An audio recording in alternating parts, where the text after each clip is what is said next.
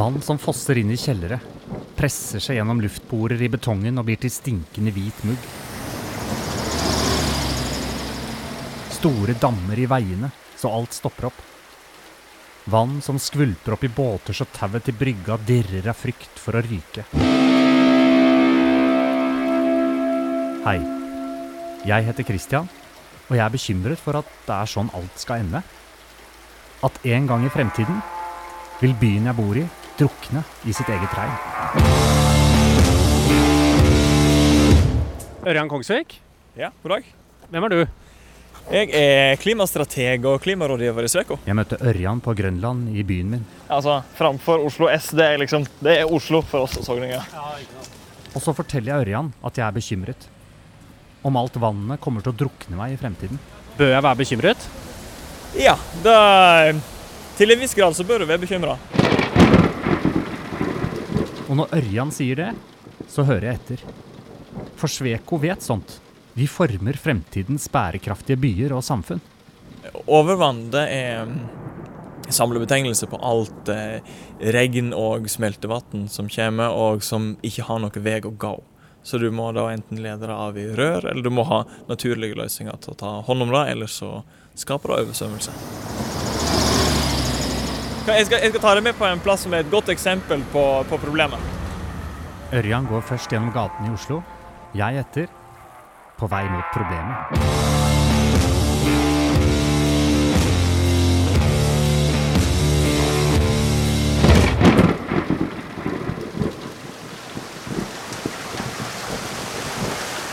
Regn. Oversvømmelser. Vann. Hvor stort er problemet? Et konkret eksempel tilbake i 2016 var at i løpet av eh, to timer så kom det 50, over 50 millimeter nedbør. Der det hadde det kommet som snø, så hadde det kommet en halv meter. Og disse to timene med styrtregn kostet samfunnet en halv milliard kroner. Så det er ganske mye. Den største kostnaden nå er at det kommer vann inn i kjelleren, enten utenfra eller gjennom avløpsrør. Og det skjer allerede i dag. I stort omfang. Så, så overvann koster oss allerede i dag en plass mellom 1,6 og 3,6 milliarder kroner hvert eneste år. Og forsikringsselskap eh, de har dobla si utbetaling knytt til overvannsproblem bare fra 2008 til 2017. Så dette her er òg da et problem som blir verre og verre. Og det er dette som gjør meg bekymret. For hør nå. Hovedproblemet for overvann er jo det at styrtregnet, de kraftige eh, skurene, vil komme oftere og oftere, de vil bli kraftigere. De vil faktisk eh, ha dobbelt så mange dager med kraftig nedbør i framtida som i dag. Altså dobbelt så mange dager hvor det regner eh, en halv meter snø? Ja, Korrekt. Altså, vi har allerede opplevd én grad global oppvarming globalt. Temperaturauka er enda større eh, jo nærmere polene du kommer. Og dette igjen fører til mer nedbør. Det ser vi allerede nå, og en predikerer at det vil bli opptil 20% mer nedbør fram mot eh, 2100. Nå står vi i Mardalsvegen eh, ved Vulkan, og her har de rett og slett et problem med overvann. Vi er kommet frem til problemet som Ørjan ville vise meg. En asfaltgate i Oslo. Vi står i bunnen av bakken, og langt der oppe er Alexander Kiellands plass. Hver gang det styrtregner, samler vannet seg her. Her var tanken at det ikke skulle være problematisk, sånn at det var vann i gatene mer enn kanskje hvert tredje år. Men en ser nå år etter år så er det store mengder vann i gatene når det regner kraftig. Når jeg googler styrtregn i Oslo, så kommer Maridalsveien opp. På bildet så ser jeg veien som forsvinner i en stor innsjø midt i gata. En forlatt taxi står med vann opp til bildørene. En ambulanse på utrykning måtte snu. Problemet er at eh, når du får veldig mye vann, så sprenger du kapasiteten på røret. Og røret i dag er stort sett da kombinasjon av kloakk og overvann. Og da får du en blanding flytende rundt eh, i veien, som seinere da renner ut i fjorden. Nå er jeg mer bekymret enn da jeg startet med å snakke med deg. Ja, og det, det forstår jeg godt.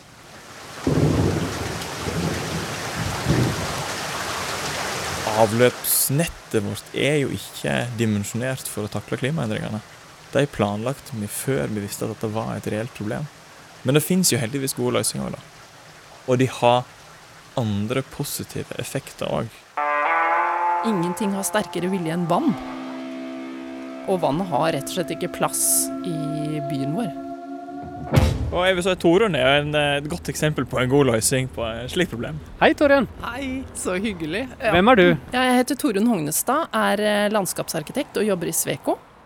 Jeg er spesielt opptatt av overvann fordi det blir et eh, større og større problem.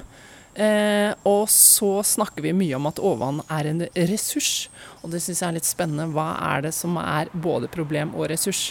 Hva må til for at overvann går fra å være et problem til å bli en ressurs? Det er jo det som jeg syns er gøy, da. Ja. Ehm, Da spør jeg deg, rett og slett. Torunn peker og viser i Maridalsveien i Oslo. Der hvor vannet alltid samler seg når det styrtregner. Eh, Og det vi ofte gjør eh, der det er et problem, det er eh, å se etter hvilken løsning som passer eh, for å fordrøye og forsinke dette overvannet. Så du tar toppene. Det kan jo f.eks. være her, så kunne man jo lede vannet til siden og hatt et, eh, et basseng.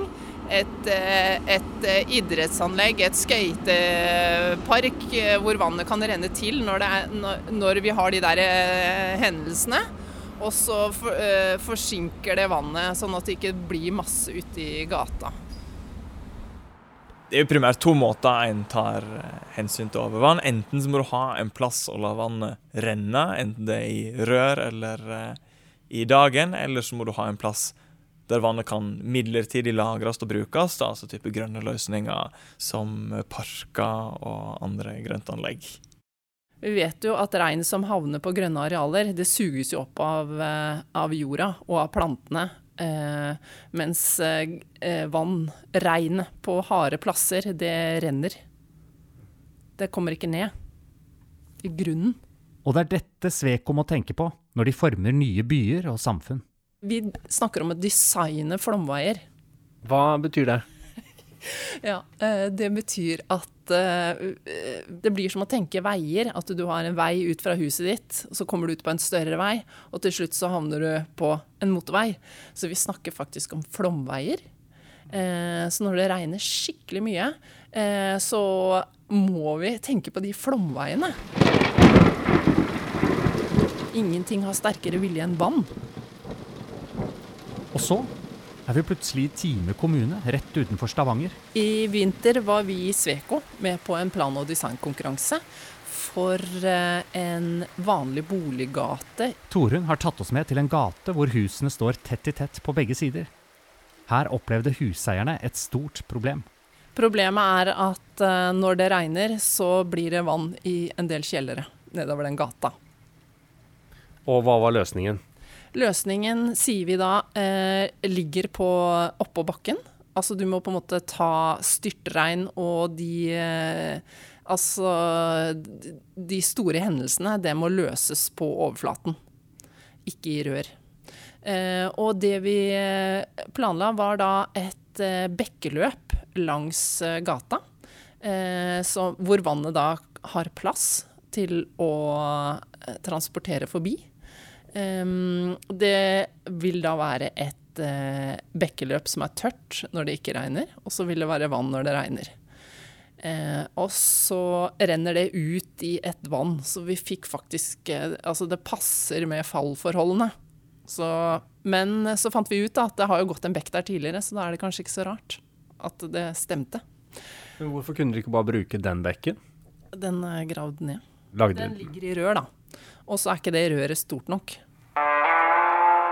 Regnet har plass når det regner. Det er så enkelt som det. Det må ha plass når det regner. Legge bekkeløp og flomveier langs gater er én måte for å få bort overvannet. Men Torunn har flere løsninger. F.eks. grønne tak suger opp mye vann. Eh, så det regnet som kommer på taket, det kan håndteres på taket. Eh, alle de løsningene vi driver med, trenger en nødutgang. altså regner det mer enn det eh, taket kan suge opp, så må det ha en nødutgang. Så det må man tenke på da. Og så er det da mm, grønne arealer som kan ta imot eh, vannet og suge det opp. Vi har tegna en del eh, regnbed hvor eh, det er forsenkninger eh, som tar imot eh, når det kommer litt store regnskyll. Da har du beplantning der som tåler både å tørke og stå med bena i vann. Og så har du grønne grøfter, som heter wadi på fagspråket. Kan bare google på nettet, så kommer det opp masse eksempler. Hva, hva står det for da? wadi, det er en grønn grøft. Ja, ok. Ja, Det høres jo litt kulere ut, da. ja det høres kjempebra ut. Ja, men her har du jo grønt. Ja. Og det er mens vi går gjennom Bjørvika i Oslo, mellom høyhus og små glimt av hav, at Torunn og Ørjan stopper opp. Dette her er jo faktisk dette her er jo et godt eksempel på hva en skal gjøre. Ja, det er helt nytt. Plassen vi står på åpner seg opp mellom tre store høyhus. Og det er spesielt dekket som vekker Toruns oppmerksomhet. Se her nå. Her bruker du permeabelt eh, dekke, for her er det ikke betong mellom. Du har sand, så da kan vannet trekke ned. Og så blir de ekstra glad for å se grønne trær. Det har blitt store trær her på kort tid. Trærne våre de er jo også viktige. De suger opp 500 liter vann i døgnet, kan gjøre. Eh, Og her er det mye trær i dette gaterommet som eh, vil sørge for et godt mikroklima. Eh, Og sørge for stabil, eh, relativt stabil temperatur. Og så har du også arealer mot midten eh, hvor eh, vannet kan trenge ned. Der trikken går. Så dette er et veldig bra eksempel. da. På siden her så, går, eh, så har du også eh, bed eh, hvor eh, vannet fra fortauene kan renne ut i de bedene ved trærne. Så da kan du bruke vannet som en ressurs, da. Så det at det er grønt i gatebildet og bed og sånn, eh, det er ikke bare pga. at jeg skal ha det fint. Det er faktisk en praktisk grunn. Absolutt. Eh, Du løser jo et problem eh, med overvannet. Da, da trenger du ikke å la det gå i rørsystemet. Det høres ut som om det å takle mer og mer overvann er noe som kommunen må gjøre. Eh, de som, dere som bygger nye byer, dere som eh, ser på løsninger i gamle byer. Er det noe jeg personlig selv kan, skal gjøre? Det viktigste du kan gjøre, er å ikke bygge igjen gode løsninger som er der i dag. De gode løsningene som du kan påvirke, er jo primært bruken av naturen, bruken av naturlige løsninger. Så har du plen eller andre grønne områder, så la det være. Ikke etabler eh, betong- og asfaltplattinger og sånt. For én ting er hvis du gjør det, så er kanskje ikke konsekvensen kjempestor. Men hvis alle andre gjør det òg, det er da vi får store problemer med overvann. Så jeg bør egentlig få meg hus med hage. Ja, eller du kanskje etablere hage hvis det er mulig. Hakk opp asfalten og bygg deg en liten hage. Det er et godt tiltak. Eh, Jeg som landskapsarkitekt som har jobba i så mange år, jeg ser jo hvordan det grønne taper i prosjekt etter prosjekt. Vi snakker om at vi skal ha grønne verdier, men det taper i prosjektene. Det er det siste som eh, bygges, eh, og det er slutt på pengene. Og så, så blir det noen kjipe greier på slutten. Men hvor viktig er ikke det grønnes kraft da, for, for å løse flere ting? Så jeg ser jo eh, For meg er framtiden grønnere. Blå og grønn. Er det fortsatt sånn at jeg bør være like bekymret? Altså Utgangspunktet er jo fortsatt likt, men fordelen er at det finnes jo nettopp det finnes gode løsninger. Så så lenge en får en god, helhetlig planlegging der en tar med sånne typer problemstillinger òg, så eh, er det håp, altså. Det er det. Yes. Er nøyd? Da ble jeg fornøyd. Ja, godt. Denne reportasjeserien er produsert av Radiorådgiverne på oppdrag for Sveko. Jeg heter Christian Lydemar Strander, og hvis du vil lese mer om smarte klimatiltak, så kan du gå inn på svekourbaninsight.com.